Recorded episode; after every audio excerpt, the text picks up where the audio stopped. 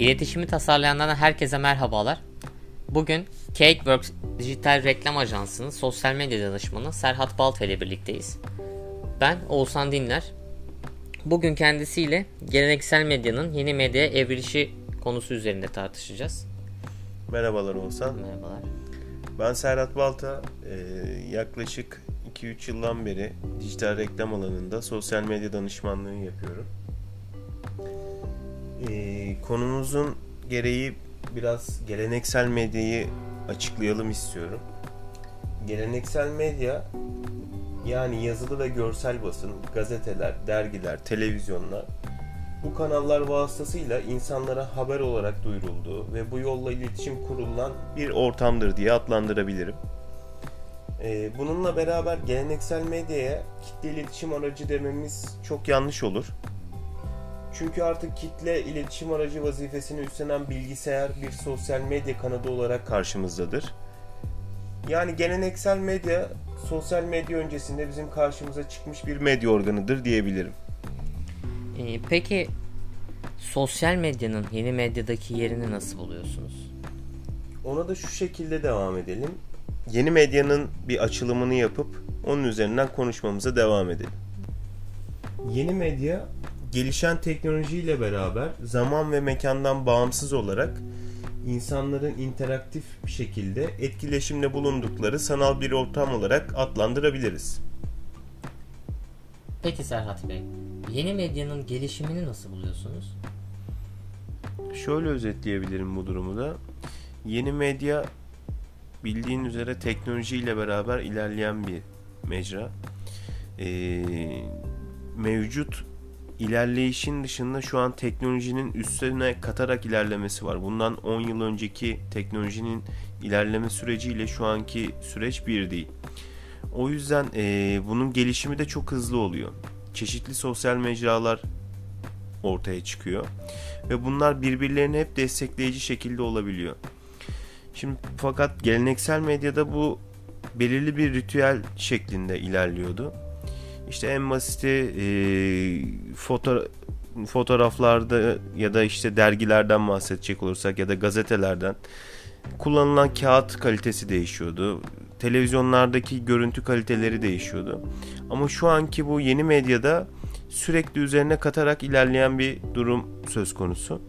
Ee, onda da mesela artık eskiden insanlar e, sosyal medya hesaplarını sadece kişisel bir paylaşım aracı gibi kullanırken şu an bir işletme kurabilecek kadar, ürün satabilecek kadar ilerlemiş durumda. Yani bu yeni medya aynı zamanda bu tür alanlara da e, fırsat sağladı diyebilirim. Peki sosyal medyanın bu oluşturduğu şirketleşme veya kurumsallaştırması konusunda herhangi bir çalışma yaptınız mı daha önce? Evet yaptım.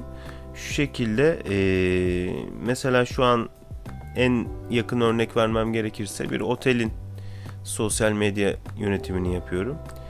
E, ister istemez sosyal medyada var olmak prestij katıyor.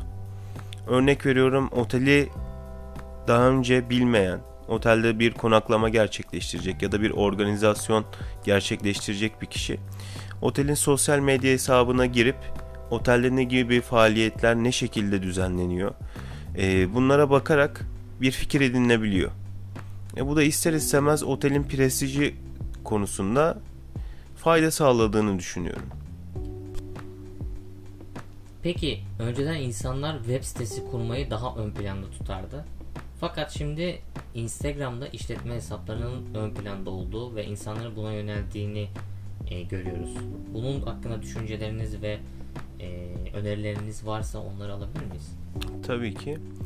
Şimdi web sitesi gerçeğini e, es geçemeyiz. Web sitesi olayı tamamen kurumsal bir yapıda olması gereken şeylerden bir tanesi. Tıpkı tıpkı e, sosyal mecraların olduğu gibi Facebook'un, Instagram'ın, Twitter'ın olduğu gibi e, Instagram üzerinden işletme hesabı kurması bir nevi hedef kitle belirlemesinde örnek veriyorum şimdi bunu Google reklamları üzerinden de yapabiliyor web sitesi üzerinden ama şimdi Instagram üzerinde doğru hedef kitleme kitleyi seçmede e, çeşitli farklı imkanlar sunulabiliyor. Örnek veriyorum işte bir kozmetik ürünü satan bir firmanın e, bayanlara bayanlara yönelik yaş aralığını belirtebilip bu şekilde e, doğru hedef kitleyi baz alarak doğru kişiye doğru reklamı verebiliyor. O yüzden e, sosyal mecralarda biraz da şimdi bir web sitesinde gezinme olayıyla bir Instagram'da gezinme olayı bir değil. Örnek veriyorum artık canımız sıkıldığında bile telefonumuzu çıkarıp Instagram'a girip hiç istemeden de olsa sponsorlu olarak e, ilgi alanımızdaki şeylerin reklamlarını görebiliyoruz. Takip ettiğimiz sayfaların, takip ettiğimiz kişilerin e, durumuna göre farklı farklı reklamlar çıkabiliyor. Ama bir web sitesinde bu çok da e, mümkünlü bir şey değil. Yani a, bir, bir aklımıza gelmediği sürece şu web sitesine bakalım bugün burada ne olmuş falan diye bir çabamız olmuyor. Ama bu tür sosyal mecralar istesek de istemesek de bu tür reklamlarla doğru hedef kitlelere ulaşmış olabiliyoruz. Peki geleneksel medya unsurlarının genelde tanıtımları şu an sosyal medya üzerinden yapılıyor. Bunun hakkında ne düşünüyorsunuz? İşte bu da yeni medyanın gücünü ortaya koyan şeylerden bir tanesi. Çünkü ne kadar geleneksel medyacılar ve yeni medyacılar ayrılmış olsa da bu bir gerçek. Şu an bunun reklamlarının sos yeni medya üzerinden yapılması bile ne kadar kuvvetli bir yapılanmanın olduğunu gösteriyor yeni medyanın. Ee, aynı zamanda yakın geçmişe baktığımızda birçok gazetenin kapandığını görebiliyoruz mesela. Çünkü neden? Artık insanlar eline kocaman bir yaprak alıp onu çevirmek istemiyor.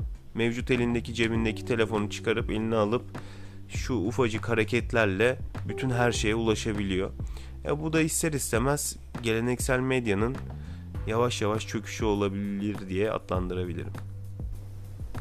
Peki bu çöküş olarak adlandırdığımız sürecin e, hala kullanmakta olan, tüketmekte olan bir kitlesi olacağını düşünüyor musun? İster istemez. Sonuçta teknoloji gelişiyor ama insanlar kendini geliştirebildiği kadar gelişiyor. E, bu yeni çağa ayak uyduramayan insanlar mevcut alışkanlıklarından vazgeçmiyor. O gazete hissiyatını elinde hissetmek istiyor mesela. Ya da bu akıllı telefon olayına adaptasyon sıkıntısı yaşıyor. E bu da ister istemez bu kesimi bir şekilde var edecek. Yani bunu çöküş olarak çöküş olarak adlandırdım. Çünkü e, genç nüfusu yüksek olan bir ülkeyiz.